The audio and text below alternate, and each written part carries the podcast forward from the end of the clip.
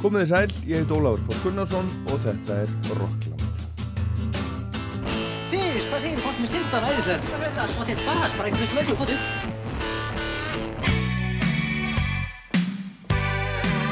Það er ekki nema sangjant að helmingurinn af andvirði miðana verði greittur aftur. Sangjant er afstætt Sigur. Er það ekki sangjant?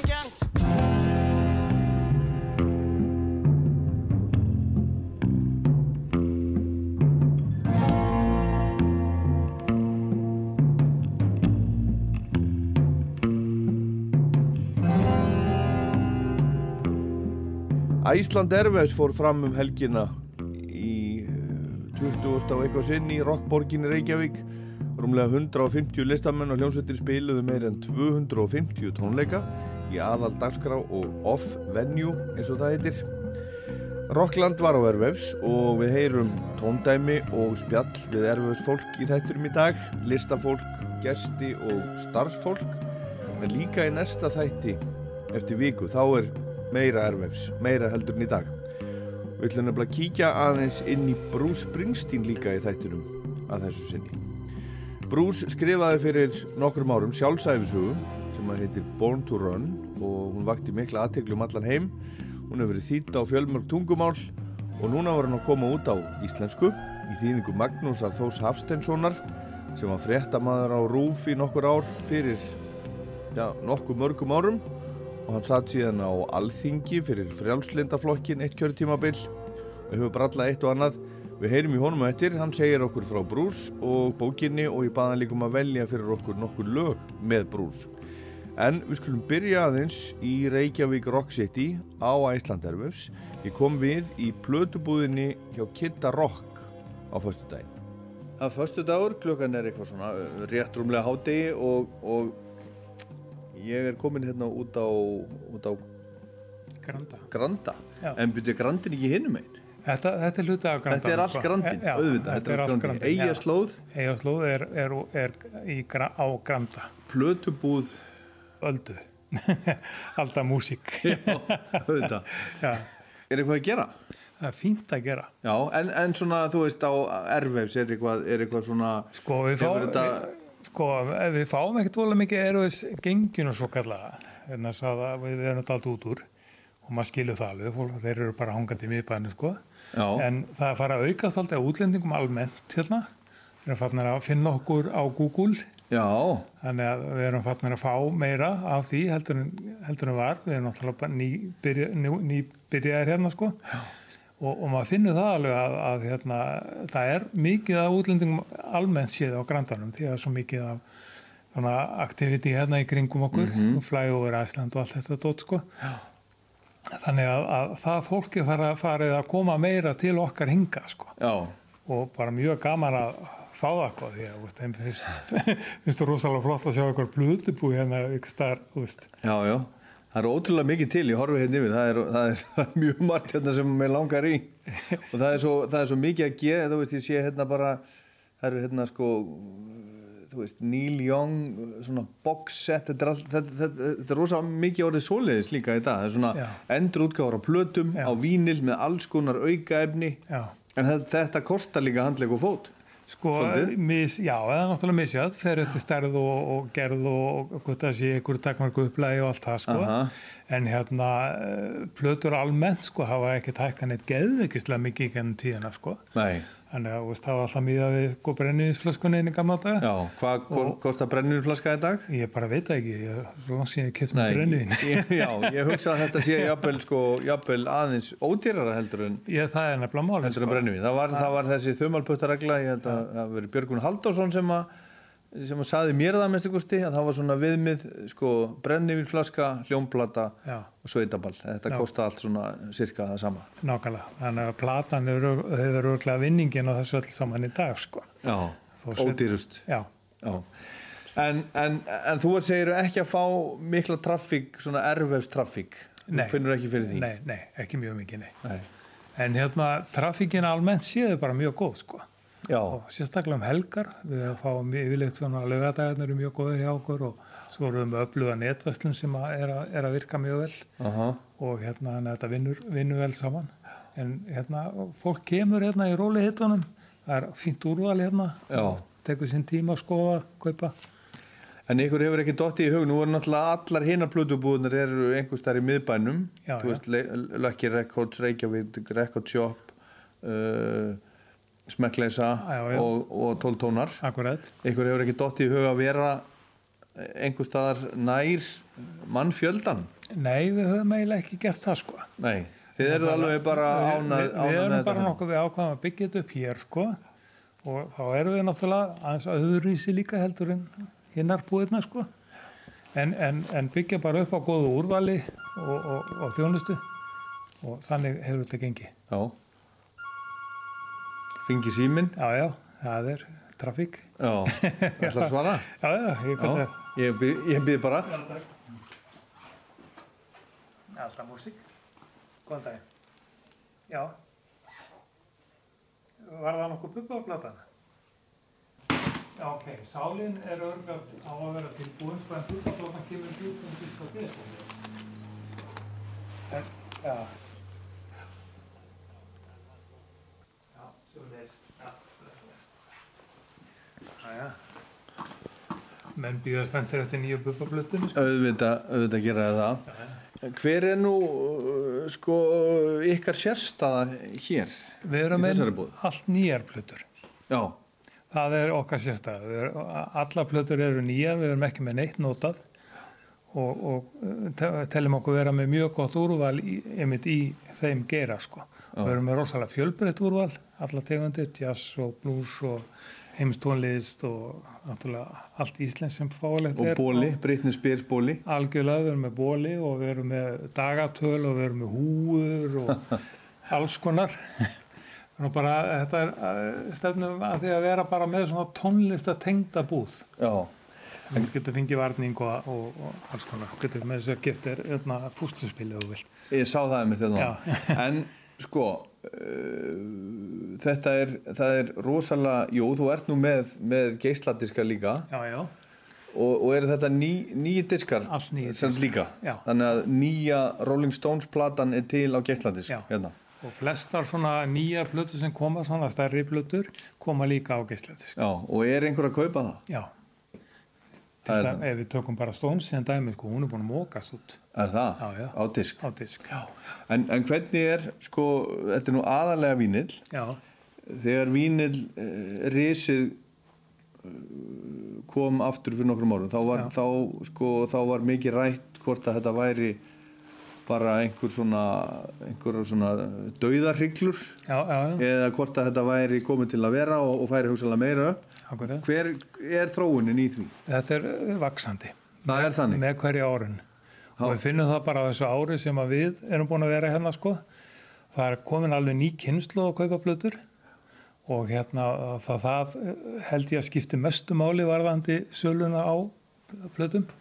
Uh, útgáfan er orðin alveg mjög vönduð og, og, og mikil. Það er mikið endurútgáfum. Fólk er endur nýja plötur, gamla plötur. Uh, það er að koma nýju kaupendur eins og sagði sko, sem, sem eru flestir yng, yngri kaupendur. Og hérna að og, stóð, og við erum að selja alls konar hip-hop og alls konar svoleiðis sko á vínil og þú veist, Taylor Swift og allt þetta dæmi sko. Og þetta, þetta hefur bara vaksið og ég, mér sýnist að svo þróun sé að halda áfram því að það eru fleiri og fleiri eignar spilara fleiri og fleiri að draga spilarna fram úr, úr geimslunni þannig að, Já.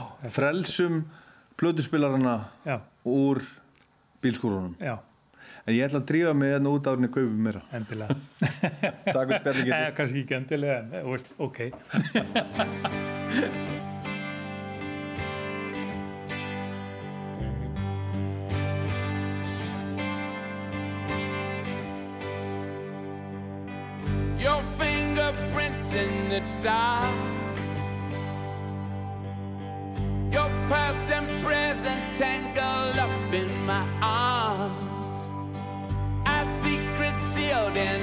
scars.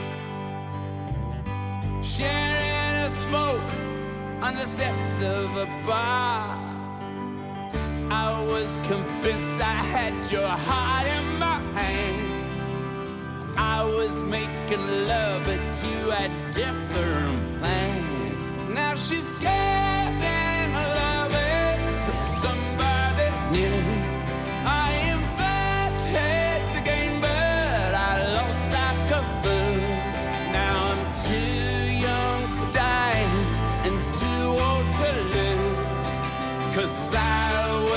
depending on you. Yeah, cause I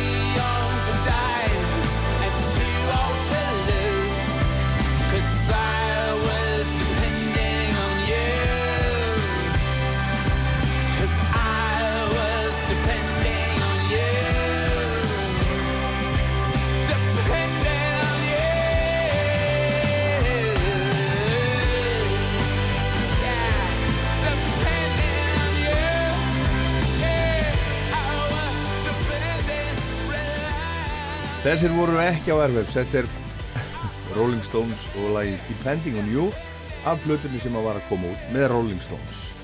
Hackney Diamonds sem að hefur selst vel á ja, bæði vínil og á diskum segi Kitty Rock, vestlunarstjóri í plötubúð Öldu.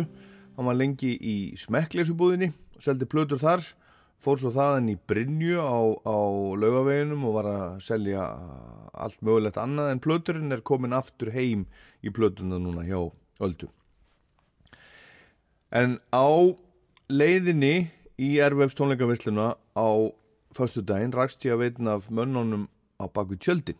Einn af þeim sem gera það kleift að hægt er að halda hátíð eins og Æsland Airwaves. Hér er, hér er vígalegu maður. Hérna, hann er í, í vinnumannaskóm, vinnumannabuxum, með aldrei fór í söðurhúu, og mikið skegg, mikið af, af strappaböndum, vinnuhanska og svona, svona gaffateip hérna í, í strappa hangand af sér. Ásgeir Andri Guðmundsson, blessaður og sæll. Já, komdu sæl. Ég held ég sem búin að sjá þig á hverju einustu erfiðs hátíð. Já, Þú, þú er búin að vera allan tíman, ekki? já, svona nánast. Þú Nánast. Þú ert einn af mönnunum á baku tjöldin. Já, já. Hvað ert að gera í ár? Herru, í ár er ég í það sem kallaði svona production. Þá er ég bara allt í öllu. Það eru plaggöld og það eru fánar og það eru girðingar og drapperingar og, og svona, eh, já, bara á öllum stöðum eh, og svona og nú ef eitthvað bilar eða, eða brotnar eða eitthvað og Þú ert svona vélstjóri. já, mætti segja, ég væri svona þriðji, þriðji velstjóri. En hvað, hvað er sko, sko, hvað er mikið af mannskap svona, á að segja, í, í, þínum hópi, svona, í, í, í þínu hlutverki? Já, í, í mínu. Já. Við erum, við erum svona, sko, svona þessi fótgöngu, sko, ef við segjum svona fótgönguleðar fyrir, fyrir sennu, það erum við svona um það vel tíu, kannski, eitthvað Já. svo leiðis. Og svo eru líkil starfsmenn sem eru þá starfsfólk sennu, sem að svona erum yfir um sjón og, og sína deildir og, og allt svo leiðis, sko. Og hérna, já, við svona sem erum hérna á lappinu Já. með, með gaffateipið og, og strappana og, og, og hanskana, það eru svona ásynum það vil tíu.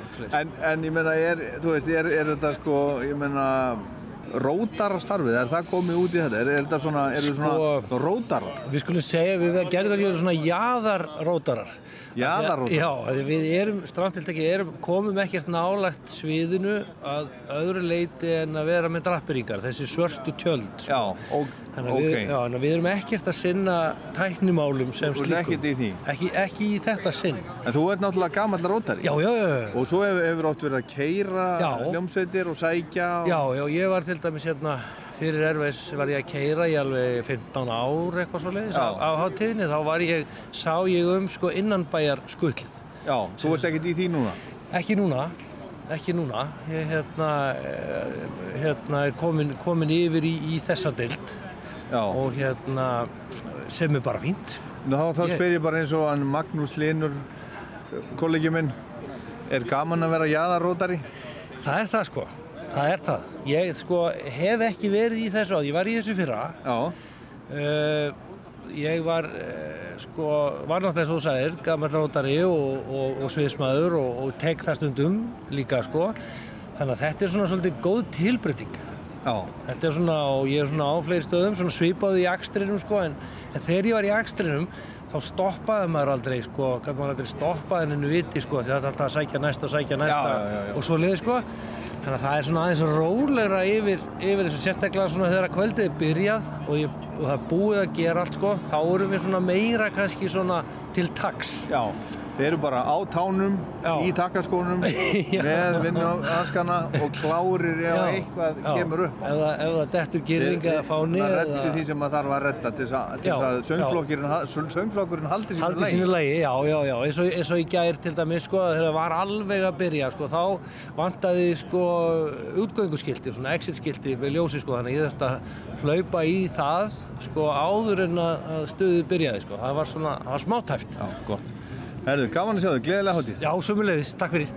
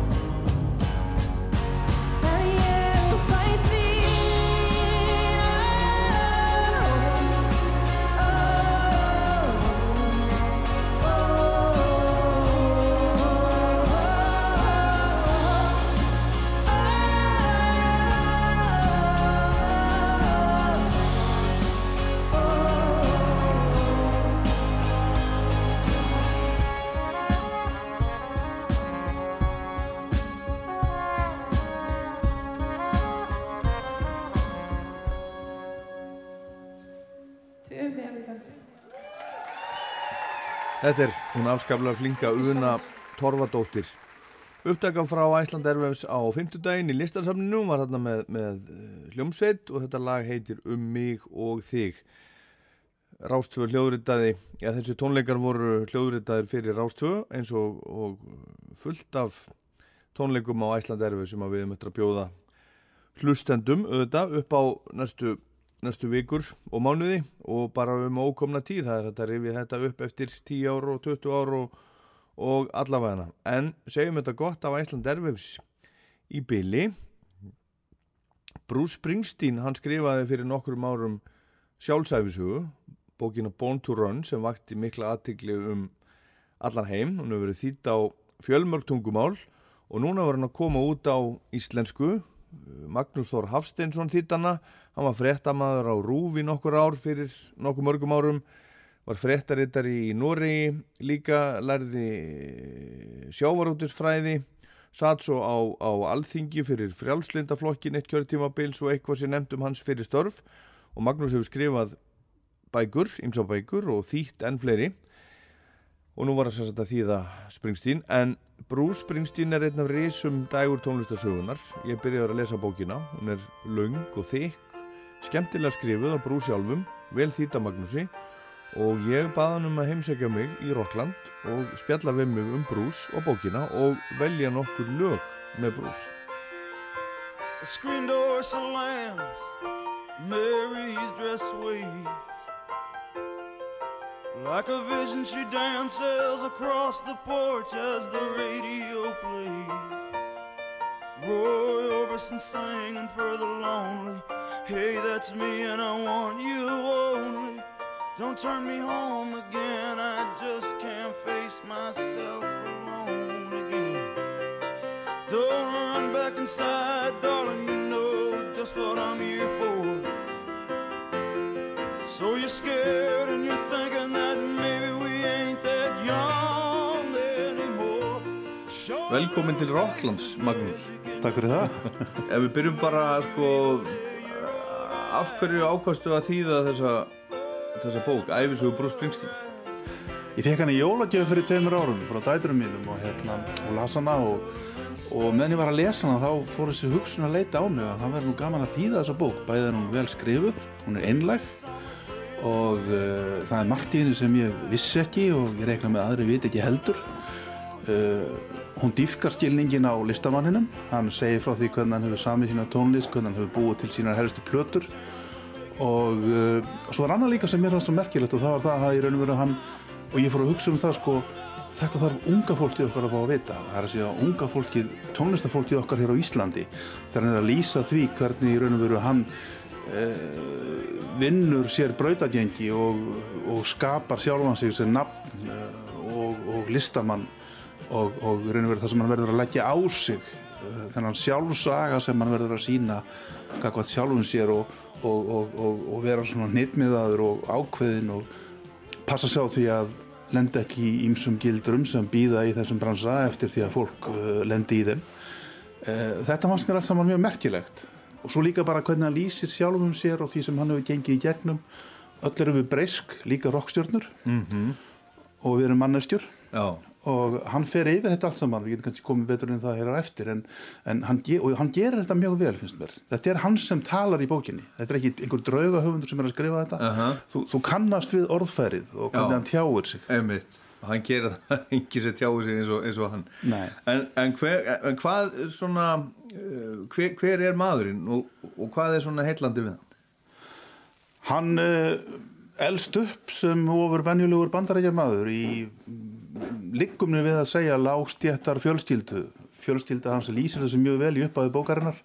Þau búa kannski ekki beint við örbyrð en uh, þau svona bastla frá degi til dags og uh, fadir hans er verkamaður, uh, móður hans er rítar á lögfræðiskrifstofu, þau eru þrjú sískinin, hann á tvær systur, eina eldri og aðra yngri og uh, hann fer svona yfir þetta svona sinn bakgrunn uh, hann elst upp í New Jersey ríki í bandaríkjónum á Östuströndinni í litlum bæ sem heitir Freehold. Og hann fer yfir þetta hann er af uh, ítölsku bergibrótin, írsku og uh, hollensku og hann lýsir þessu öllu saman, hann er kathólskur, elstu fyrir kathólskuna, hann er sendur í kirkju og, og, og jafnvel, hann er kórdrengur um tíma. Með frekar svona töfrum árangri. En hann lýsir þessu öllu saman mjög vel og mjög skemmtilega. Þetta er svona bandaríkin þarna upp úr setna stríði. Og síðan koma unglingsárin og þá kemur hann inn í þau á þessum mikla umbrota tíma upp úr 1960 John F. Kennedy fórseti það er Kúpudeilan 1962 og ég er nú þýtt bókum það líka sem er að koma út núna svo ég segi þannig nú Kennedy er myrtur og síðan eh, hefti þessi mannreikninda baráta í bandarækjónum bara frá svartra kynþáttu óerðir Vietnamstríðið og svo kemur þessi tónlist þessi miklu umbrota tímar Aha. fyrst er það Elvis Já. Bruce upplifir það og hann lýsir því þegar hann sér Elvis vist í sjónvarpinu Mhm. hjá Ed Sullivan og svo koma bítlarnir og svo allir aðrir þessi tónlistamenn og þessi mikla þessi óbúslega gróska sem verður allt henni til. Og hann lendir mitt í þessu. Hann er akkurat á þeim aldri. Já. hann er svo heppin að ná þessu. Og þetta einhvern veginn, þessi litli strákur eins og að lýsi sjálf og sér þessi litli hóraði hvíti strákur með bólur frekar svona óásjálegur eins og hann lýsi sjálf og sér að hann verður fyrir svona miklum áhrifum. Og hann bara verður mjög ungur harða ákveðin því að hann ætli að verða tónlistarmaður. Fær mömmu sína til að kaupa fyrir sér gítar og uh, reynir fyrst að læra á hann en gef sér hann upp en reynir svo aftur og þá gengur betur. Og, og einhvern veginn hann býtur þetta í sig. Og hann lætur ekkert sko aftra sér. Pappans til dæmis, hann lýsir til dæmis sambandi sín, sínu við föður sinn sem var oft svona mjög erfitt pappans var á annari kynnslóð og raun og veru á öðrum heimi hafði barist í setni heimsturjöldinni og, og var fættur þá sennilega á fyrir luta 20. aldarinnar. Og, og, og, og þeirra samband var á styrt og pappans var sagt, honum listi ekkit á þetta og og veru fóreldrar með ekki heldur sko. Hann kemur hann til allir með einhver tíman og segir við þau mamma og pappi ég ætla að veðja þetta. Ég ætla að hætta í skóla, ég ætla ekki að fara í háskóla ég ætla að vera tónlistarmaður. Og þau eru svona já finnst þér nú, þú ætti nú kannski að læra eitthvað samt svona svo hafi nú eitthvað í bakhöndinni eða þetta gengur ekki upp en hann gerir það en verð ekki. Hann, hann, hann, hann, bara keirir á þetta. Já, já.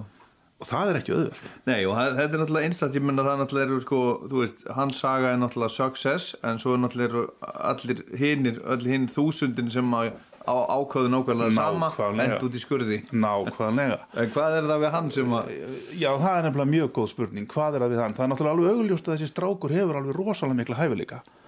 Ég nú bara síðast gerkvöld að horfa á upptökur með honum frá 1973, kvikmyndaupptökur á tónleikum. Og þá sérðu alveg að það, það, það, það er eitthvað, þannig er eitthvað að fara að gerast. hann er með þetta Þú, þú sérðu þetta ofta ungu hæfileika fólki að þessi, hann eða hún er með þetta. uh Og hann er greinilega með þetta. Og svo er hann náttúrulega, hann lendir, hann má segja það að hann byrjar að spila sagt, í, á börum, pöpbaljónsveit, konungur barhljónsveitana, kallar hann sig stundum. og það er óbærslega góð skóli fyrir hann. Og hann hittir þá fullt af öðrum líka krökkum sem hafa áhuga tónlist, strákum sem hafa áhuga tónlist og þeir fara að mynda hljómsveitir og svo einhvern veginn gerist það að, að, að svona í þessu ferðöldu saman að þá hittir hann í raun og veru stráka sem eru líka alveg rosalega góðir. Já, og hann hittir einhvern veginn réttu mennina. Við meðum ekki gleyma því hann er raunverið þó hann sé alltaf Bruce Springsteen og hann er uh, bossin og allt það skiluru að þá er hann alltaf með alveg opbóslega gott heimi með sér. Og hann verðist hafa haft það eiginlega alveg frá upphafi. Stráka líka stórir sem taka hann að sér og kennunum og, og, og, og hérna og uh, svo hittir hann líka bara rétta menn í raun og veru, menn sem halda utanum hann og kannski passa upp á hann, eldri menn þannig að hann nefnir í bókinni. Til dæmis eitt sem var eh, í raun og veru brimbrettasmiður, Tingar, sem gerðist fyrstu umbóðsmaður hans. Og hann hefur kannski svona góða ráðgjáð í kringu sig líka uh, og svo líka það, hann passa sig á því að lenda ekki inn einu ruggli Já. hann er reglusamur. Hann er agaður og hann forðast allt dóp. Hann, hann drekkur nánast ekki neitt. Er ekki neinu stelpustandi. Hvað þá? Hvað þá? Já, það er bara tónlistinn það er bara músikinn og, og hérna, hún er honum allt. Já. og, og þegar hann lýsir þessu sko, þeir lifa þarna nánast fyrst sko, er veru, nánast sko sem þeir eru bara á götunni. Mhm. þeir eru ekki bót fyrir borun á sér þessi strákar og hérna hafa var lýsið að geta sofa undir berum himni og lifa bara á músikinu og eru kannski að þjena kannski sko bara eitthvað klinka á hverjum degi. Já, já. en þeir þrauka, þeir halda þetta út. Þeir reyna jafnvel fyrir sér að fara og spila á öðrum stöðum fyrir utan, þeir verða fljótt svona kóngar á eigi svæði svona heima hjá sér en þanniglega séð sko, fólk sem hefur áhuga á tónlist uppgötar það og kemur á tónleikarna þeirra og þeir eignast svona kannski lítið náhrandaskara aðdáðandaskara en, en, en svo náttúrulega fara það að reyna að breyða úr sér og það gengur illa til að byrja með. Þeir reyna að fara á aðra staði, þeir reyna til að fara til San Francisco, það er mjög skemmtileg lýsing á því í bókinni þegar hann fer þangað og þeir og svona bastlið og vesinið að þeim og, en, en einhvern veginn já, hann, hann, hann, hann heldur út Já. og svo fær hann plötusamning. Bara réttur um það tvítur. Akkurat. og það er eiginlega alveg æfintilega líkast. Hann lýsir raunum hann lappar inn á skrifstofur CBS í New York og hittir þar stjórana Mike Apple sem var þá umbóðsmaður hans rettaði því sem var svona hálfgerðu kraftaverkamaður með vélbissu kjáft og gætt raun og veru talað hvað sem er inn á hvað sem var af því að hann var svo opbúslega bara ítinn og, og, og velmáli farin hann rettaði brús þessu og brús kemst hann inn á skrifstofu og spilar fyrir stjórana og þeir, já, þeir sjá eitthvað í stráknum. Og hann fær samning. Og þá verður til fyrsta platan Greetings from uh, Asbury Park, New Jersey sem kemur úr 1973 Já. Og, og þar er einmitt, þar er einmitt fyrsta lægið, bara lag nummer eitt á alliðinni. Það er fyrsta lægið sem, að, sem að við ætlum að... Já, Blinded by the Light sem, sem Manfred Mann tóku síðan upp uh, nokkrum mánu síðar, 78 ef maður rétt og varð Jaycee vinsalt hjá þeim en Bruce Ekki hjá honum. Nei, ekki í honum, þessi plata hún svona hann segir sjálfur að hann hafi verið ánað með viðtökur á plötunni en, en, en, en, en hún gekk, seldist kannski ekki tvolega mikið og, og hann, hann svona sló ekkert í gegn en þetta er þrjusum góð plata. Hún er mjög góð, hún er elst vel. Og þetta lag einmitt í honum er mjög gott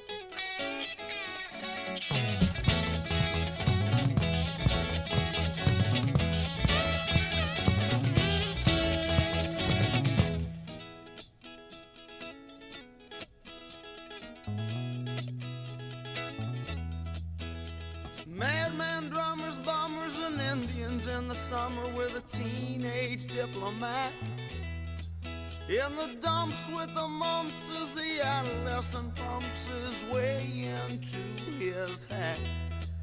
With a boulder on my shoulder, feeling kinda older, I trip the merry-go-round. With this very unpleasing sneezing and wheezing, the calliope crashed to the ground. Some old hot hat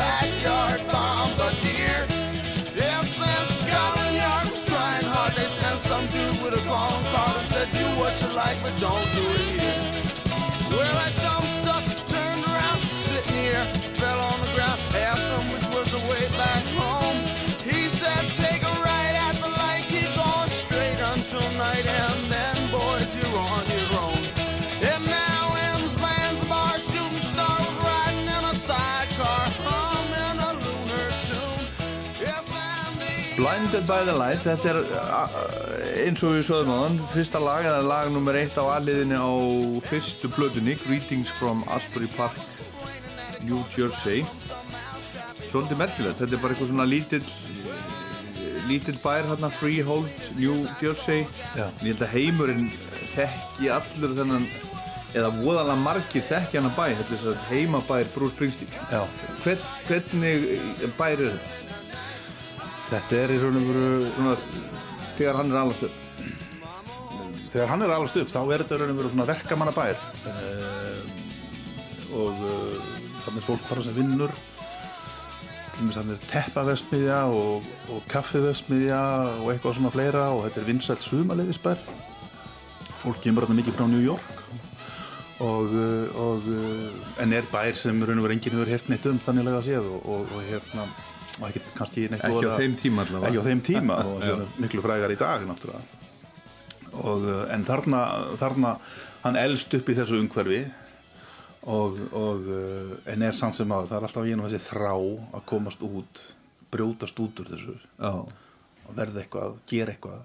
En það, en það er svo, hérna, fyndið að hugsa sko, þarna, þarna í upphafi þegar hann er að segja frá æskunni og, og, og, og, svona. Þegar maður hugsa um þennan, sko, miljardamæring sem hann er í dag, Já. að hafa bara á einu ævi skeiði, sko, komist þangað úr, úr þessu. Það var engin, það var engin kynding heima hjá honum, ammans og bjóð með ömmu sinni og afa, eh, þú veist, þetta var svona hálgerð, svona gamlu niðurnýttu húsi já, sem búið er að rífa í dag því miður. Breyta í bílastæði já, já, fyrir kirkjuna. Við liðin á kirkjunni þar sem hann var kórdrengur. Já. þetta er alveg rétt. Þetta er svona hálf svona nöturlegar aðstæður Já, og hann byrjar með tvær hendur tómar. Og það var raun og verið ekkert sem sagði það að þessi strákur ætti eftir að verða einn helsta rockstjarna í heimi, alls ekki sko. Og, og, og sennilega miklu meiri líkur markvallt miklu meiri líkur á því að hann yrði það ekki heldur en hann yrði það en einhvern veginn þá, þá tókst honum þetta og, og hérna og, en það er í honum alltaf einhvern veginn þessi þrá. Og uh, hann syngur svolítið um það á næstu plötum fjallar svolítið um það og í raun og veru á plötunni sem verður til þess að hann slæðir gessana í gegn sem er þá Born to Run platan sem kemur út 1975 Já. Að, að svo plata þemað í þeirri plötu er mjög mikið svona kannski að lýsa svona þessu smábá umhverfi það er rundurinn, það eru strákarnir það eru stelpunnar og það er þessi þrá eftir að þú veist, þetta er fólk sem stendur á þröskuldi lífsins sem að segja, það er að komast af unglingsárunum og er að stígi verið það að verða fullorðið. Og hann hefur líst í sjálfur svo plata gerist öll í raun og veru kannski á einu sumarkvöldi en allir textanir fjalla einhvern veginn um þetta og þú það, þessi, þessi mikla þrá eftir því að einhvern veginn sko, komast í burtu. já, komast í burtu en samt er svo einkennilegt og við sjáum það setna á æfiferðli hans hann hefur reynd að fara í burtu en hann snýr alltaf Já, hann kom aftur heim. Já, já. Nú erum við tveir báðir aguninsingar og við kannski já. þekkjum þetta. Við höfum báðir reynd að komast úr þessum bæ en við erum báðir konur aftur. Já, já, Born, born to Run. Þetta, Born to þetta, Run. þetta er allt einhvern veginn sko, þe- þessi músík, sko, það sem að enginnan er eitthvað svona, svona stórt og epíst og sögur og það er svona einhvern, þú veist, mikil tilfinning og, Já, já. Og, og, og svona eldur honum og verðum að komast í burtu frá þessu einhvern veginn og mér finnst hann, hann, hann, hann nær þess alveg rosalega vel í Born to Run. Og mér finnst Born to Run platan þó hann hafi alltaf gert góða plötur þá finnst mér Born to Run platan einhvern veginn vera hans besta plata að hinga til. Og, og hérna, og hérna því að hann, hann einhvern veginn næri að fanga þetta.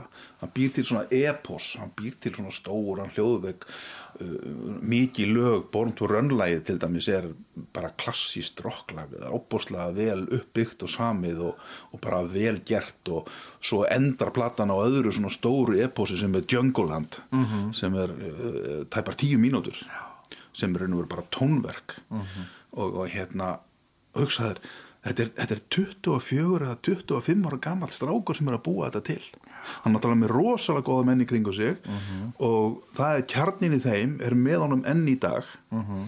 Og hann er búin að hitta mjög góðan vinn sinn sem er Jón Landá eh, sem hafði verið svona bladamaður tónlistabladamaður þeir náðu saman, hann skrifaði um hann mjög frægan dóm þegar Brús var að byrja. Ég- Future of Rock'n'Roll Já, ég hef séð framtíð Roxins og það er Bruce Já. Springsteen En hann hjálpaði mikið til þarna og, og, og já, úr þessu verður til einhvern veginn þessi plata og hann nær, að, hann nær þeir ná einhvern veginn að fanga þennan anda og loka hann í dósinni. Já. Punktur, Hlustum á þetta. Tökum bóntur hann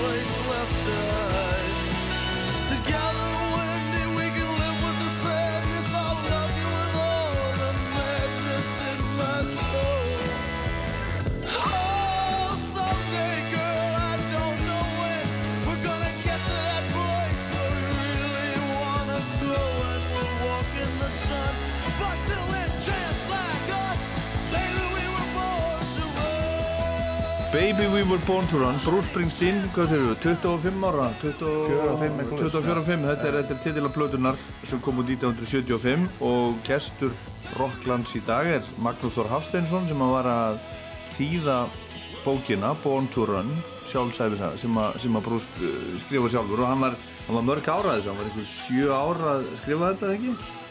Jú, hann segir frá því í lok bókarinnar hvernig hann fór að þessu. Hann hafði svona verið að punta hjá sér eitt og annað og skrifa og bara í glósubækur. og, og en svo tók hann sig til og svona fór að vinna í þessu og reyna að koma einhverju lægi á þetta og úr því verður þessi bók uh, Born to Run sjálfsæfið saga sem hefur nú komið út í já, ótal mörgum landum og fengið alveg rosalega fína viðtökur allstar það sem hún hefur komið út uh, og uh, já, hann, hann, hann, hann, kemur þessu frá sér og, og, hérna, og eins og ég segi, hann gerir það bara mjög vel Já, en nú, Magnús, nú sko, uh, þá myndu, myndu kannski einhverju segja, byrju Magnús Þór Hafsteinsson, er það ekki hérna maðurinn sem var, sem var á alþingi og, og sjónvarsfrétta maður og svona, hvað er hann að brasi þessu? Ég er bara mikil tónlistar áhuga maður, hef alltaf verið alveg frá því ég var krakki. Og uh, á sínu tíma, ég hlustaði, heyrði fyrst í Bruce Springsteen, það hefur sennilega verið bara einhvern tíman fyrir 1980. Man að bróður minn kom heim, þá voru börnin mín kassettur og vínilplötur. Og svo útvarpið, maður hlustaði líka útvarpið. Og hérna, og hérna bróður minn kom heim með kassettu úr einhverju partíi, það sem var á tónlistin af Darkness on the Edge of Town plötunni sem var uh, hvað, þriðja platanas, fjórða platanas og, og hérna og ég hlustaði á þetta og ég bara, vá. Og svo eins og ég sagði á hann, maður hlustaði á útvarpið það voru þættir að því við erum nú á rástöð við langt líka til að nefna það, það voru þættir alltaf á rástöð sem heitur Rockrásin. Mm Skúli Már uh, Snorri Már Snorri. Skúlason og, og Skúli Helga þeir voru með þessa þætti og ég manni tók þá upp og það eru fjóri tónlistamenn sem ég átti kastum með sem ég man alltaf eftir, það var því Clash fjóri þættir. fjóri þættir sem ég átti með þannig að þau fjallaðan tónlistamenn það var því Clash og það var Elvis Costello og það var Bruce Springsteen og svo var það U2 og ég hlustaði á þess að þætti aftur og aftur og aftur og aftur. Og allir þessi tónlistamenn hafa fyllt mér allt fram á þennan dag. Já, og já. þrýr þeirra eru enn starfandi þess að hljómsveitir og, og tónlistamenn það eru bara það klass sem eru hættir. Svona hefur þetta nú ennst vel en ég hef bara alltaf haft og hef enn í dag mjög mikið áhuga á tónlist og, og, og, og fylgist með og kaupið með blötur og, hlusta á músík og, og hérna. Og Bruce Springsteen hafði einhvern veginn haft þau áhrif á mig bara allt frá þessum unglingsárum og hefur bara fyllt mér allt mitt líf að, að það var kannski líka það að hérna sem gerði það verkum að mér langaði hreinlega bara til að þýða þessa bók. Að hérna hann átti það inni hjá mér Já, ok.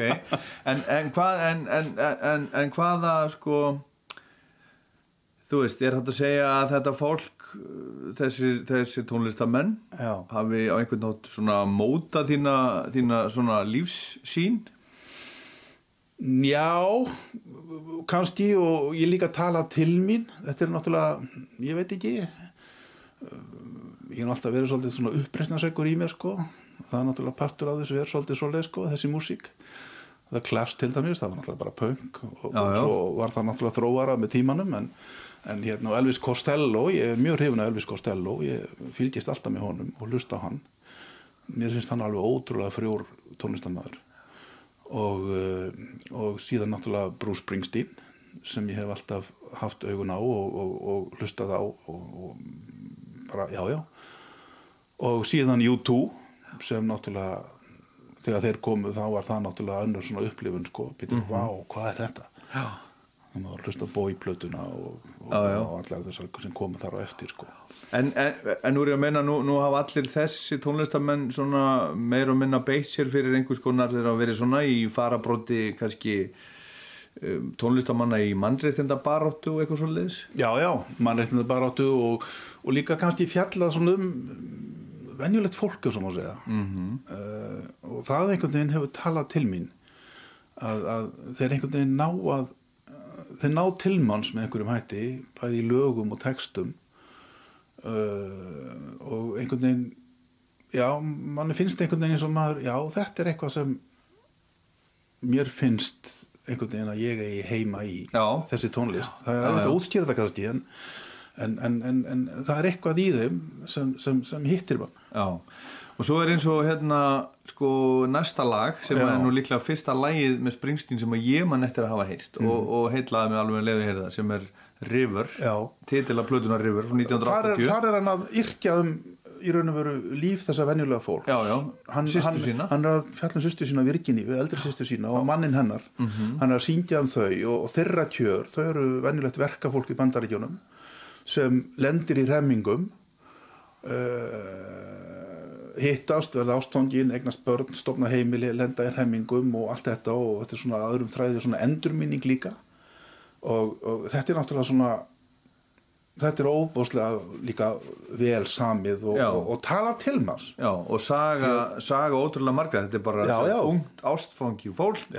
Svo verður hún allt í einu ólétt og bara einhvern veginn svona daglegt amstur tekur við já, já. og svo kemur kreppa.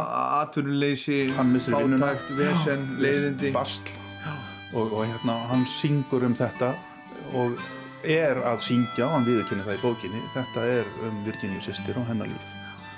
Og mannin hennar og mannsins hennar, Mikes. I come from down in the valley where you're young they bring you up to do like your daddy done. Me and Mary we met in high school and she was just 17 we drive out of this valley down to where Við höldum áfram með Bruce og Iceland Airwaves í Rocklandi hérna rétt á eftir. We go down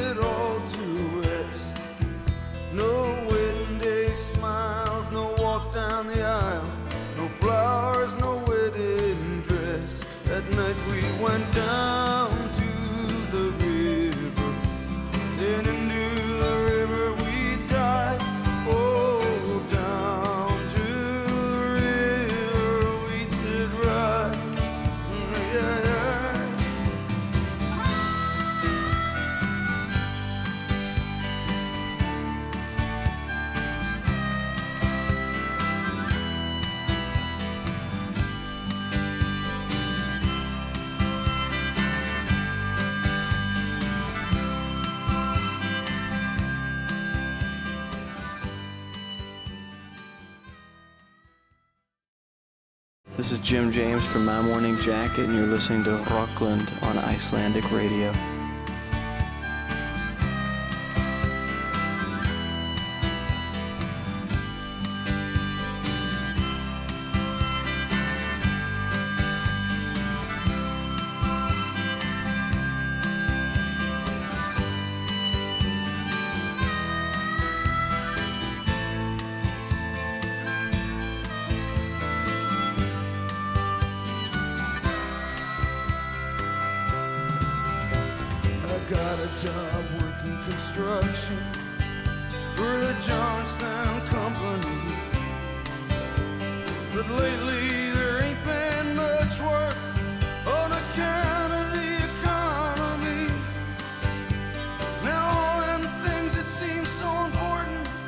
Well, Mister, they vanished right into the air.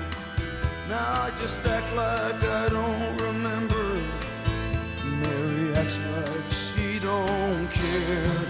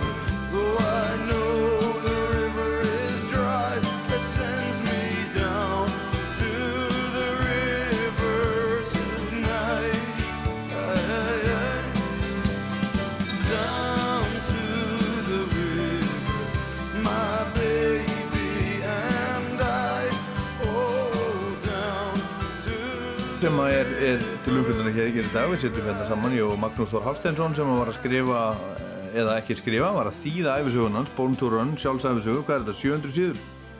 Já, er það ekki? Með mynd á þyrpingu aftast, ljókmyndum úr hans engasamni. Hvað er maður lengi, lengi að þýða svona? Ég fekk þessa bók í jólagjöf um jólinn fyrir tveimur árum. Já, þú er búinn að vera í henni síðan? Nei, ég er nú búinn að þýða helling líka. Já, við ég meina svona með, með öðrum. Hún er búin að vera með, sko. Já. Ég hef greipið í hana og þýtt og fyrst byrjaði að þýða alveg, sem sagt, ég hafði ekki eins og útgefanda, en síðan talaði við útgefanda minn sem er Jakob Ástjársson hjá Uglu, frábær útgefandi. Og hann hafði áður gefið út æfisögu Keith Richards, Rolling Já. Stones. Já. Hún, sú bók gekk vel. Já, ok. Það er markaður fyrir svona bækur hér á Íslandi.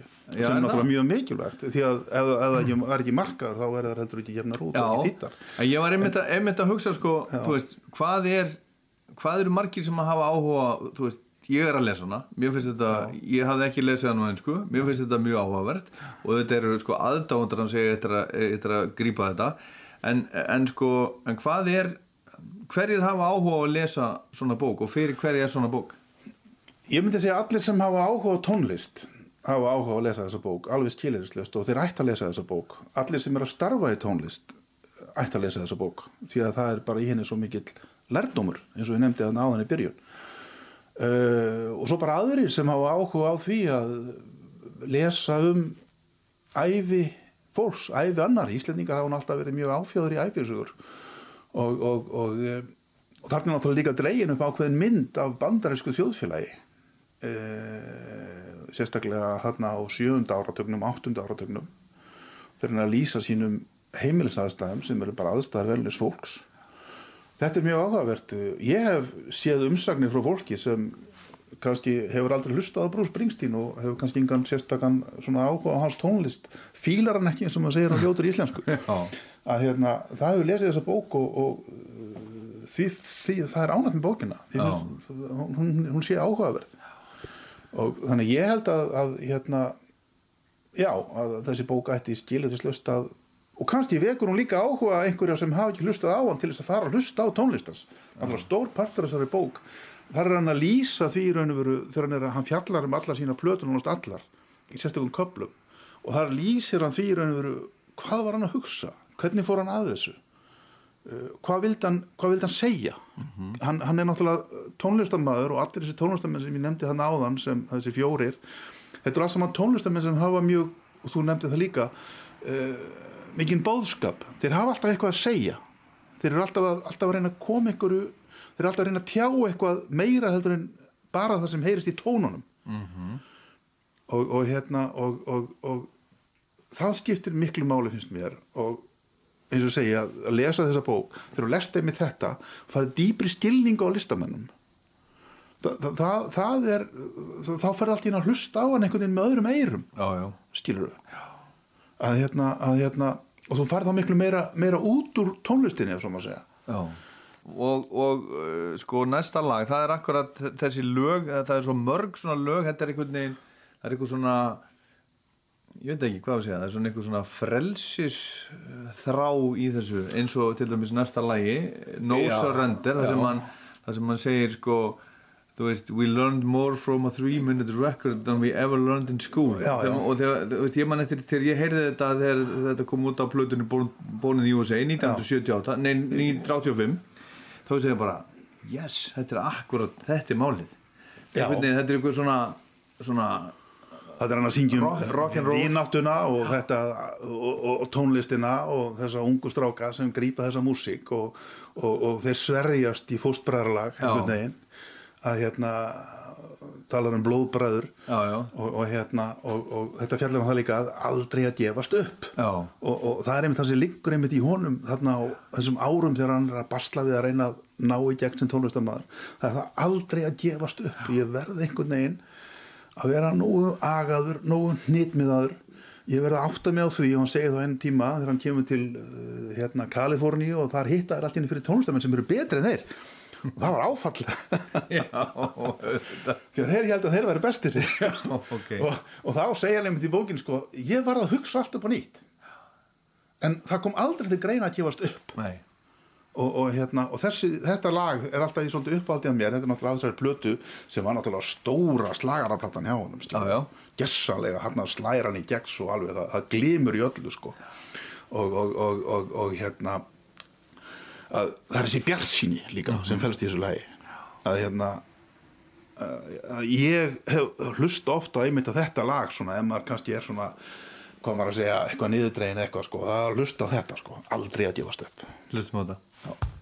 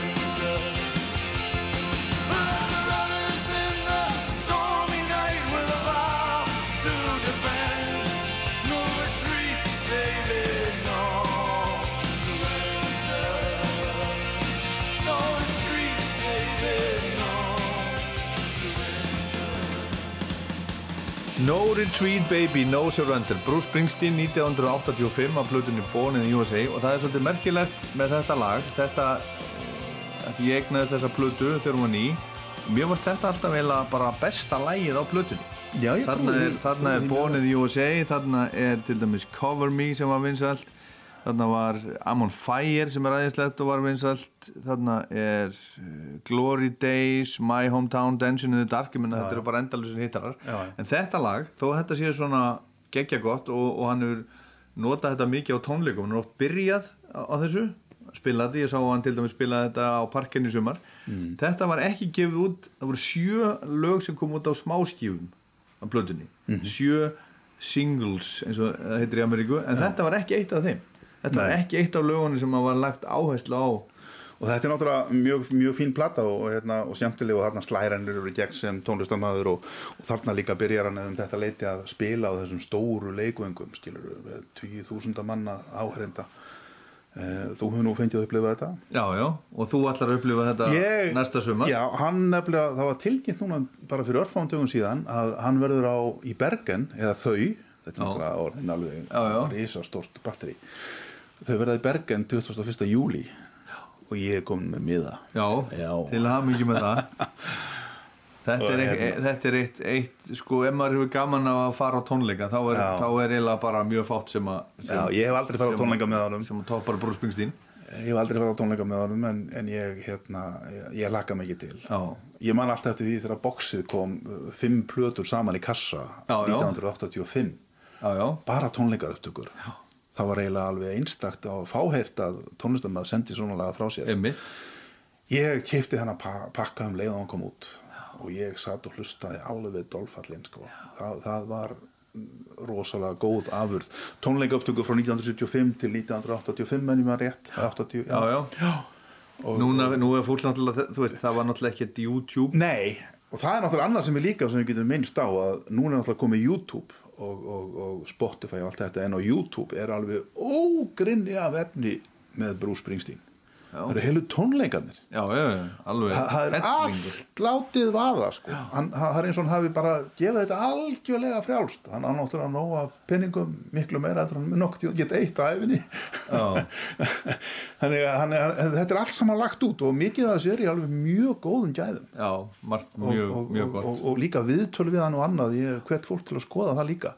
Það er mjög, mjög áhugavert og tónleikandir með honum og þeim þeir eru náttúrulega löngu, fyrir löngu orðnir að svona góðsögn og, og, og þeir eru mjög eftirsóttir uh, miðan til dæmis í Bergen eh, núna sem var í sumar þeir eru ripnir út á tíu mínútum. Já, já, þetta selst bara svona þetta selst eins og um lumur já, út um allan heim Já, já. Að, að hérna, fólk mætir og hann er enn að draga til sín 73 eða 33 ára gammal maðurinn með, með sínu fólki þau eru enn að draga til sín fulla leikvanga Já, já, þetta er alls konar fólk á já, já, já, já, ég veit það og svo er náttúrulega hérna eh, en berast böndina Akranesi vegna þess að skagakonan Svana Gísladóttir gerði bíómynd eða gerði heimildamynd fyrir nokkrum árum sem að heitir Springsteen and Me þar sem að hún fær aðdáendur út um allan heim til að segja frá eh, svona Já, sína sögu af, af hverju það heldur upp á, á Bruce Springsteen Mm. og, og þetta þetta, þetta er nefnilega Þetta er svolítið sérstætt samband, hann er einhvern veginn sambandi við bara hinn venjulega mann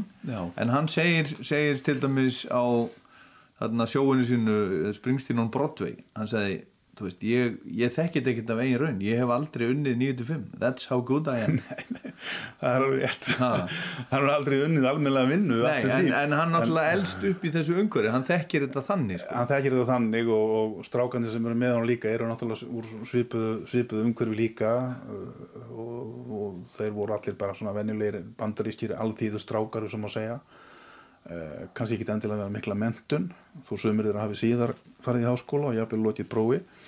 En, en, en, en þarna og, og, og þetta náttúrulega hann er úr þessu umhverfi og hann er einhvern veginn að semja um þetta og syngja um þetta.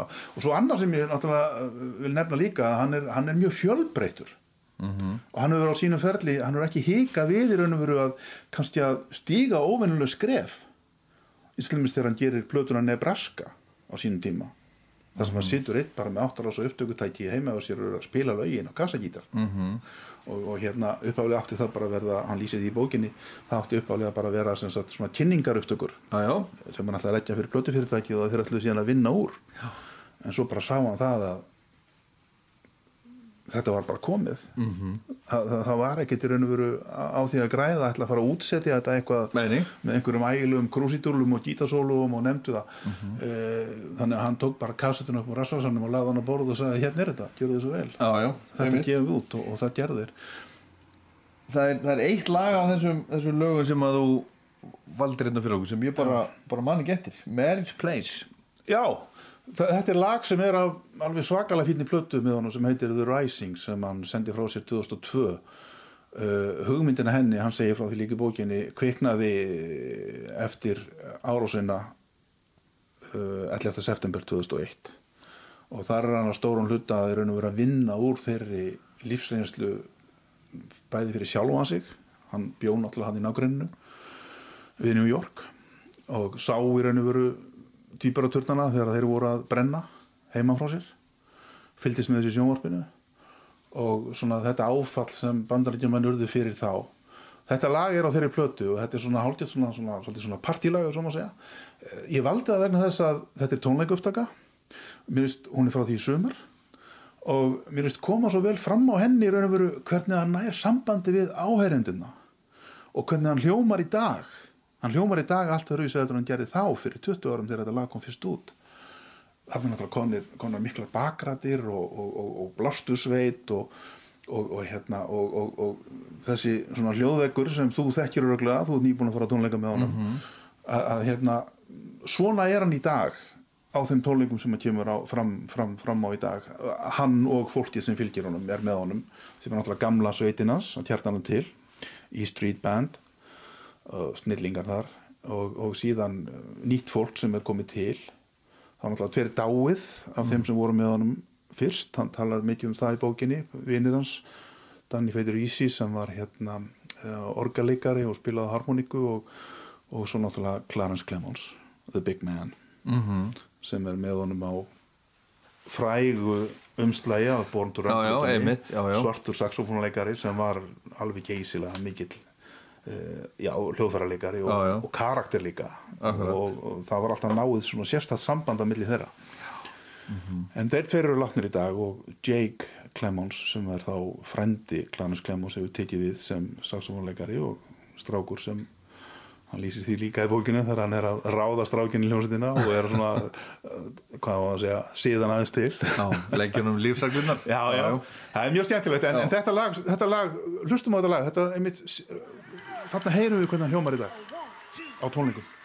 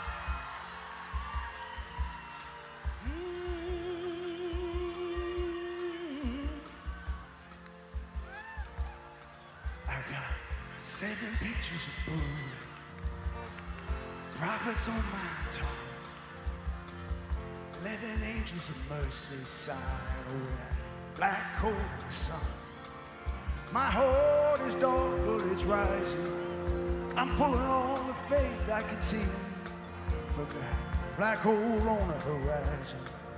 I hear your voice calling to me. Let it rain, let it rain, let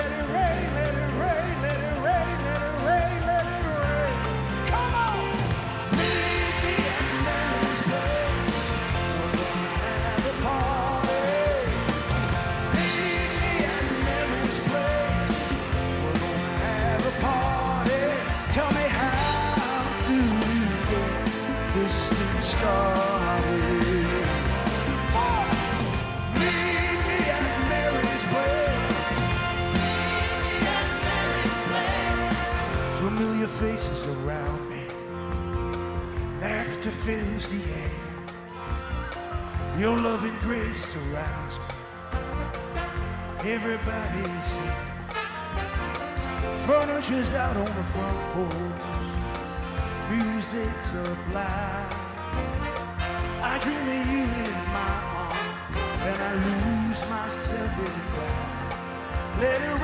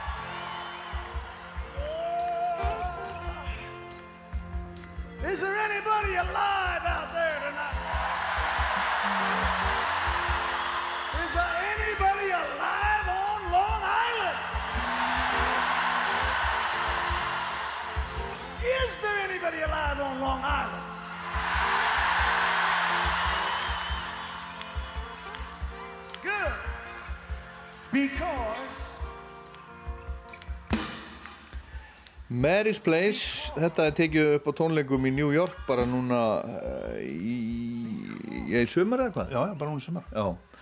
Magnús Þór Hafstæðinsson setur þetta þá hjá mér, uh, þýtti bókina Born to Run, Bruce Springsteen, Níko, hún, er, hún er komin í búður eða ekki? Jú, hún er bara nýkomin. hún- Já, já. hún er-. En hérna, sko, hefur áhugin, hefur áhugin á Springsteen aukist við þetta? Já, já. Sérðan í, nýju, nýju Já, ljóði? já, ég geri það. Ég, ég, ég, ég, hlusta öðruvísi á hann núna heldur en ég gerði. Að því einhvern veginn ég veit miklu meira um hann. Ég veit meira um þessar plötur og, og uh, skinja raun og veru miklu betur svona hvers konar, hver- hvernig listaverk þetta eru og, og, og, hlusta betur eftir því sem hann er að segja. Ég geri það og, hérna, já, já, ekki spurning, ekki spurning. Eitt sem að, sem að hann talar um, um í bókinni er að, eh, sem að kemur kannski eh, einhverjum óvart, er að, er að hann talar um svona andleg veikindi. Já. Og pappans var náttúrulega eh, í því líka, hann, hann, var, hann var svona paranoid og... Og þunglindur. Já. Hann, hann nefnir það, hann segir frá því snemma í bókinni að, að það er geðveiki í ættinni. Það er geðveila í uh, föðurættinni og það hafa fleiri í ættinni þurft að glíma við geðræn vandamál. Fadir hans, eins og þú nefnir, og síðan brús sjálfur. Og hann segir, finnst mér, mjög vel frá því og, og, og að mikil einlægni uh, hvernig þunglindið hefur hrjáð hann í gegnum árin ofta tíðum og uh, sérstaklega illa eftir hann varð 60 þá leiði honum bara hann komast ekki fram úr og segja sjálfur ég náði honum ekki einu snu upp. Ég lág bara upp í rúmi og, og vorkendi sjálfur mér og, og, bara, og var bara með mjög slæmar hugsanir og, og, og leið alveg rosalega illa. Af hverju þú? Ja, þunglindi, það er eitthvað sem svipa á hjá föður hans að þetta er síðan lagað, hann fer til sálfræðings hann, hon, Jón Landó vinnur hans, hann sendir hann til sálfræðings. Og Brús lýsir því að þegar ég kom með til sálfræðings þá settist ég í sófan og byrjaði að gráta bara há grét mér leiði svo illa. Og, og hann segir það líka í bókinni að þessi bók er afrakstur af mörgu leiti samtala mína, samtals míns við sálfræðinga sérstaklega tveir sem hafa haft hann til meðanlunar í gegnum tíðina. Og þess vegna kannski er þessi bók svona einlæg sko, hann hefur notað, hann, um langan aldur hefur hann verið að vinna í sjálfum sér.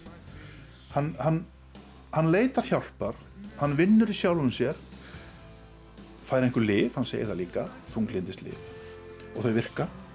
Og hann er sennilega á þeim enn í dag. Og, og, og þetta hefur hjálpað mér, þetta hefur bjargað mér. Einhvers staðar segir hann líka sko að skilin einmitt milli sko snillinga og geðveiki þau geta oft verið mjög óljós. Og þetta bil getur verið mjög mjótt. Og hann kannski hefur gegnum tíðin að dansa svo litið á þessari línu á þess að gera sér grein fyrir því sjálfur. Ekki fyrir hann orðin fullorðin maður og, og þá bara sem betur fer eins og segi þá fær hann hjálp. Og hann er nógu auðmjúkur til að þykja þessa hjálp. Hann gerir sér grein fyrir því að hann þarf á þessari hjálp að halda. Og, og hann kemst yfir þetta. En, en kannski svona útskýri þetta. Hann fyrir líka yfir náttúrulega hann var giftur áður, kvæntur áður uh, konu, Julian Phillips. Hann viðkynna það í bókin líka ég kom illa fram við hana.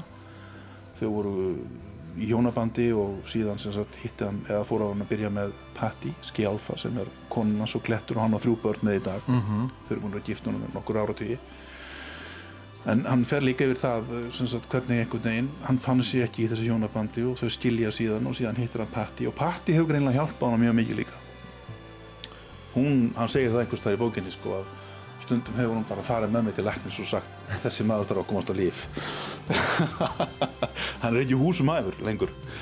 Og hérna, já, já, þetta er náttúrulega já, mér finnst þetta mjög skemmtilegt að, og, og, og reyna að veru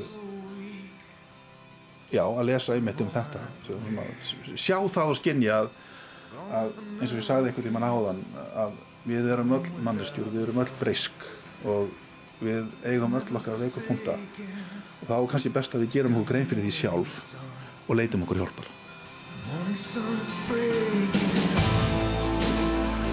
This is my confession. I need your heart in this depression. I need your heart. This is my confession.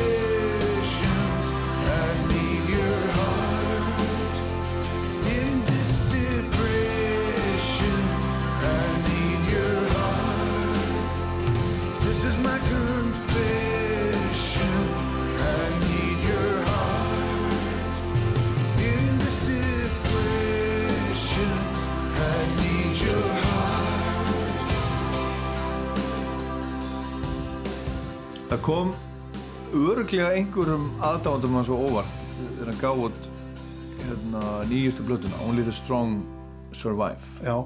sem er svona uh, lög, eh, þetta eru lög eftir aðra þetta eru svona, svona þetta eru, eru gamli sálarsmellir yfirleitt. Og, og hérna og fólk hugsa já, býttu þetta er nú skrítið Bruce Springsteen, en í rauninni þá er þetta þá er þetta svona það sem að hann, hann tók inn í æskunni áður en að svona milli þess sem hann heyrði í Elvis og Beatlon Já, algjörlega. Þetta er hann þetta, er, svona- þetta, er, er útvarstónlistin sem, sem var þegar hann var að alast upp. Já. Hann er hann að taka þessi lög aftur og einhvern veginn að gefa þeim nýtt líf og, og uh, mörg þessara laga eru kannski ekkit óalega þekkt en voru þá sínum tíma. Þetta var það sem fólki hlustaði á í útvarpinu og hann sagði það var alltaf kveikt á útvarpinu heima. Mamma hlustaði mikið á þessa tónlist. Hún hækkaði tækinu og svo dansaði hún kannski við mig á eldurskólunu og, og þetta er svo, hann, hann nefnir í bókinni einmitt þetta eh, og, útvarpið, hvað útvarpið hafði mikil áhrif á hann eh, bara sem barn og unglingur og tónlistin sem streymdi úr útvarpinu. Fólk náttúrulega átti ekki mikla peninga til að kaupa plötur og, og það var kannski heldur ekki voru mikið frambóð á hljómplötum. Uh, en þarna, þarna grýpur hann þessi lög og hann talar einmitt um þetta í fyrirluta bókarinnar uh, mikið um einmitt þessi áhrif sem hann verður fyrir af alls konar svona sálartónlist, balluðum dúvop tónlistinni og, og, og, og þessu, þessari instrumentan tónlist eins og Shadows spiluðu. Já. og það var þetta sem var þá skilur Mhm. þetta er, þetta er svo, svo, svo, svo kemur þetta nýja eh, eins og til mjög bara bítlarnir og, og, og, og allt það að, hérna, sem svona kemur eins og holskefla og, og fleiri, hann nefnir Van Morrison, hann nefnir Joe Cocker og, eh, og ímsa aðra sem en akkurat þessi tónlist, hann kemur með þetta núna á síðustu blötunni sinni, þetta eru svona svo kallar ábreyður, þar að segja hans útgafa af þessum lögum. Já. og uh, þetta er fínasta plata finnst mér og hérna og svona að opna ræðist fyrir manni svona nýjar dyr. Þetta er náttúrulega klassíkin í bandarískri dægutónlist sem hann er að, er að vinna þarna með. Og uh, já hann, hann sendir þetta frá sér núna rúmlega 70 og, og er raun og veru á sama tíma fer strax eftir það í þessa miklu tónleikaferð sem hann var í sömar bæði í Evrópu og svo í bandaríkjunum. Og uh, þannig að það virðist engin bilbugur á honum. Nei, nei, auðvitað, auðvitað ekki. og, Nei, hann er náttúrulega í mjög góð formi hann lítur Já, vel út og hann, er, hann hefur alltaf passað vel upp á heilsuna. Og, uh, og uh, þannig að hann getur þetta alveg þannig að séð, ekkert vandamál. uh, að, þú veist, það er ekkert smáraðis álag fyrir rúmlega 70 mann að, að halda út, hvað er það, 30 tíma prógram? Já, já. Já. En þetta bara sýnir okkur okkur hinnum í Japanum að ef maður hugsar almennilega um sig þá er þetta hægt ef maður er já. 73 ára. Já, já, en þetta snýst náttúrulega um það að, það er ekki, að, að ef maður er ekki að maður er ekki að fara illa með sig á, á einhvern hátt. Og að hann talar, einmitt, og- hann talar einmitt um það í bókinu það er einn af, mínum uppáhaldsköflum í bókinni þar sem hann einmitt er að tala um þetta og hann, hann, hann, hann talar um það finnst mér á mjög fallegan hátt einmitt það sko hvaða er sem, sko, hann hefði gjarnan viljað fá að sjá Elvis rúmlega 70 auðvitað. Endurheimta ferilinu, sem að segja. Já. hún svipa á Johnny Cash gerði Já, já, síðustu æfa á Johnny Cash þar sem hann sendir frá sér bara margar af sínum bestu blötum. Þá fyrst byrjaði ég að hlusta á Johnny Cash á alvöru þegar hann kom með það. Og síðan er ég búin að vera alveg harður Johnny Cash að þetta Já, já, Já, þú kannast við þetta. Amy Winehouse, Já, já. Kurt Cobain Jimi Hendrix, Janis Joplin. Við getum nefnt alveg fullt af svona nöfnum og hann nefnir þau. Og hann segir það sko, veist með ótíma bærum dauða þeirra ég er nú bara endur segja þetta svona lauslega að þá vorum við svift þeirri tónlist sem þetta fólk hefði getað fært okkur. Og hann segir bara hreint út mér finnst þetta bara ekkit sniðugt skilur ég vil miklu frekar vera gamall já. og halda áfram að spila og syngja og senda frá mér efni. Uh, að, að, að þetta þetta er svo, þetta er svo gessamlega sko, tilgangslöst að brenna svona upp deyja ungur verða kannski fallegt líf lík, eins og þau segja. En, en, en sko þetta er svo, þetta er svo mikið tilgangslöst, þetta er svo mikið sóun. Já, og enda sem andlit á, á ódýrum stuttermaból í, í hérna, einhverju tísku uh, keðju. Eitthvað svoleiðis, já, já, já, já. Hann, hann, hann, hann, er mitt, er mitt nefnir þetta og hérna og talar um það að það sé mikilvægt að fara, fara vel með sig. Ég held, Óli, að hann eigi eftir að gera sína bestu plötu. Þú heldur það? Já, ég held það. En þú ætlar allavega að síðasta lagi sem við ætlum að heyra er Night Shift sem er nú ekki eitthvað sem hann heyrði í æsku. Þetta, er, þetta, þetta kom út, úr 1980, ekki? Já, já, en Kom- Commodores. er ótrúlega flott lag. Mér fannst þetta alltaf mér er alltaf fundist þetta leiðilegt lag einhver Já, hluta vegna. já. svo þegar ég heyrði þeim honum þá hugsaði ég, þú vil þetta gott lag? Það er fullt að góða lögum að svona plötu. Annar lag sem ég finnst mjög gaman að hlusta á Western Union menn sem ég hef aldrei heyrt áður. Já. og hérna og já, þetta er svona eitthvað sem hann á hún í skúfu og hann á alveg hellingsefni sem hann hefur ekki Já, verið já, við- þetta eftir að koma út næsta ára tuina Algjörlega. En, en skulum hlusta hérna lokum á Night Shift og Magnús Þór Hafsteinsson, takk fyrir komuna til Rocklands. Takk fyrir það. Ætlar að þýða fleiri, fleiri tónlistabækur? Já, það má vel vera þessi gengur. Að, hérna, það má vel vera, það er fullt af góðum tónlistamönnum að úti sem hafa verið að senda frá sér áhugaverðar ræfisugur sem væri gaman að, að koma út á íslensku. U2, Elton John Sinead O'Connor, hún skrifaði sjálfsæfisugu áður hún dó. það, ég las það bóki fyrir að hún er mjög fín. Uh, og öruglega miklu margar aðra fleiri bækur. Long live rock'n'roll, takk fyrir spjallið. Long live rock'n'roll, takk takk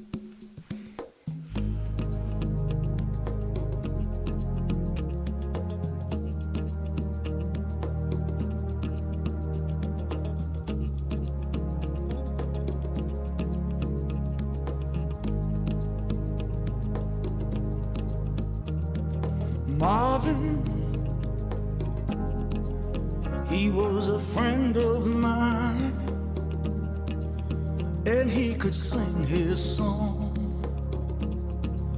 his heart in every line. Marvin sang of the joy and pain. He opened up our minds I still can hear him say, Oh, talk to me so you can see what's going on.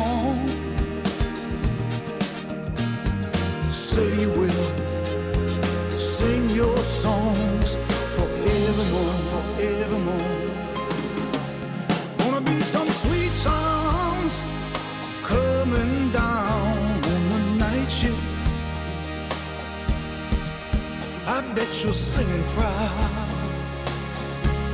Oh, I bet you're full of crowd. Gonna be a long night. It's gonna be alright on the night shift. On the night shift. You found another home. I know you're not alone on the night shift.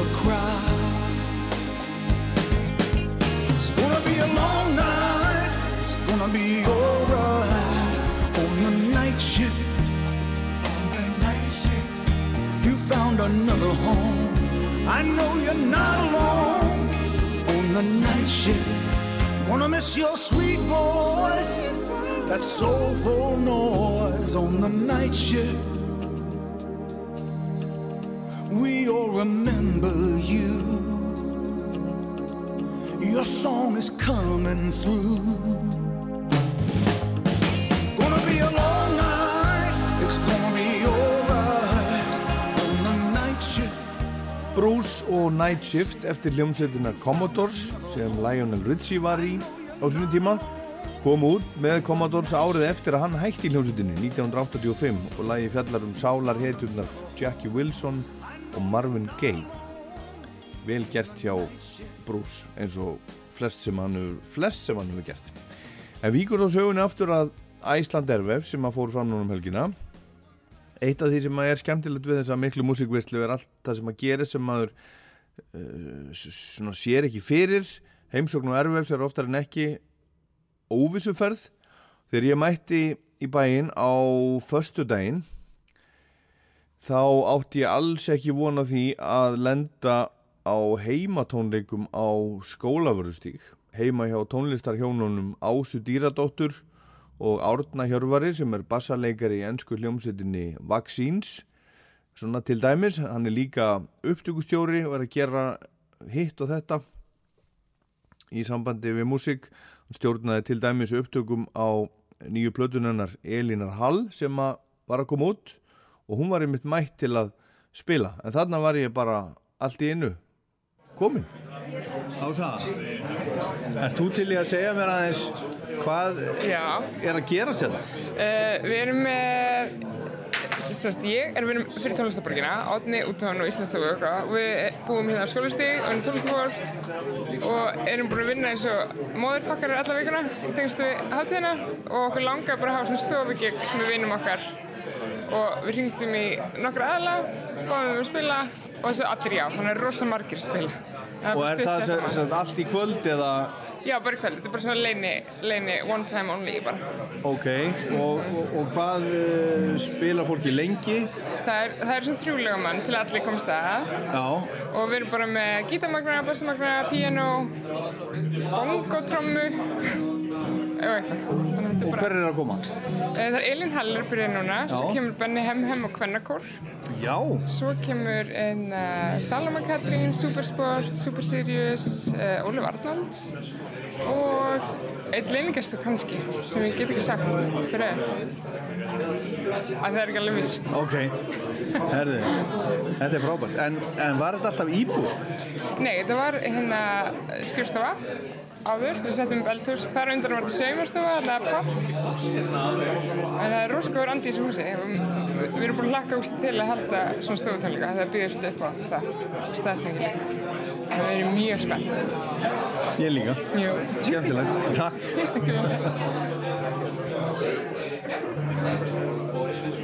Hello. Hi. Copenhagen. Uh, oh, sorry. I should probably do this in English, right? Yes. Okay, let's do this in English. Uh, thanks for coming. Um, so, uh, there's a funny backstory to this party because um, both me and Ausa, my beautiful partner, uh, we work the sort of the organization of the festival, and we have absolutely zero downtime whatsoever. And then uh, one day, I just get like a sort of a, a group message with a bunch of musicians with also saying, oh, we're, we're having a, like a living room concert on Friday at 6 p.m. And I was like, you're insane.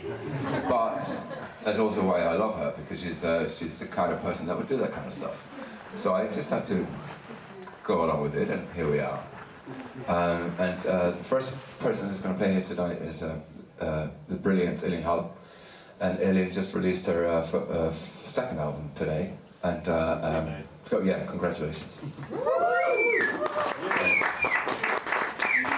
I had the uh, I had the immense, immense honor of uh, of working a little bit on that album. We did a couple, well, we did a few things together, and then uh, I mixed it and stuff. And uh, it won't be this nepotistic for the rest of the evening. This just happens to be one of the one. Uh, yeah, uh, it's unavoidable in such a small community as Iceland. It's like you're always going to run into some nepotism. It's all, it's all over.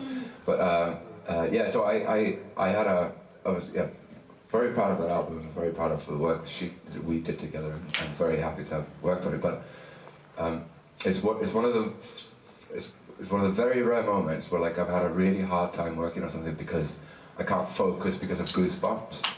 I just had like goosebumps like in every sort of it would be verses that gave me goosebumps, and I couldn't figure out what, what was going on because I was just dropping out. Uh, and uh, yeah, she, uh, she's br- she's brilliant. She's here, and uh, yeah, give it up for uh, Elin Hall.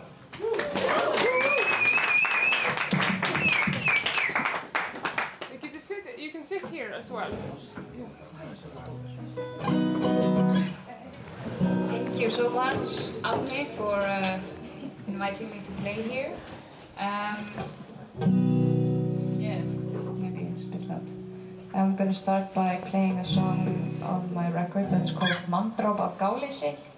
Um, it loosely translates to um, reckless homicide. Um, and it's about like the ine inevitably violent nature of having to break up with someone. Um, I kind of like putting things into a very dramatic light. Um, it's just something I enjoy doing in my bedroom. Um, yeah, reckless homicide. Flísar við baðherbergi Þú stóðst í gættinni var um þig.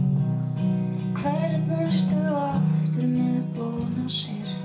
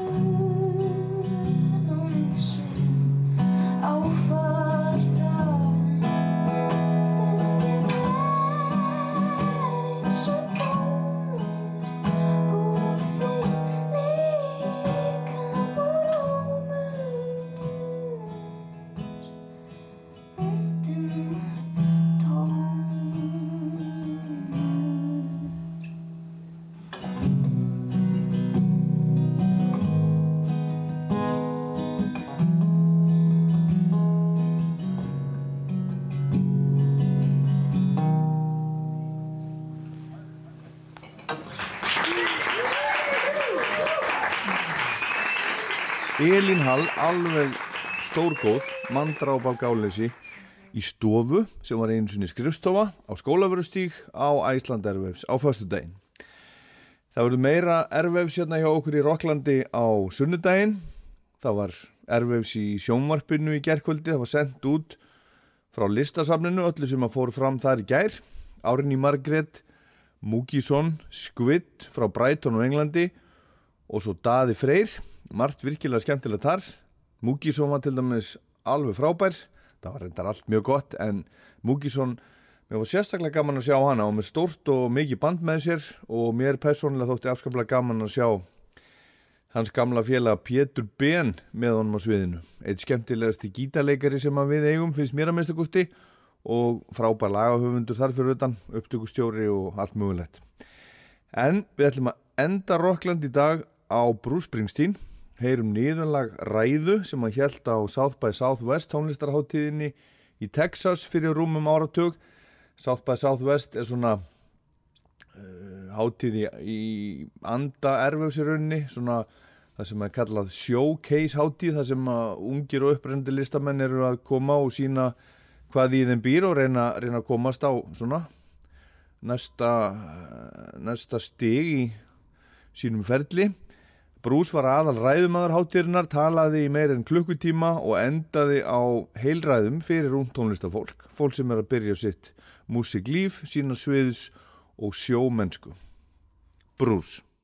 So, rumble, young musicians rumble. Open your ears and open your hearts. Don't take yourself too seriously, and take yourself as seriously as death itself. Don't worry. Worry your ass off.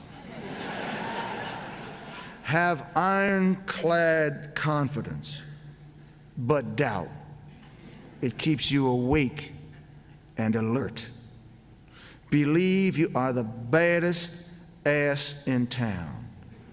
And you suck.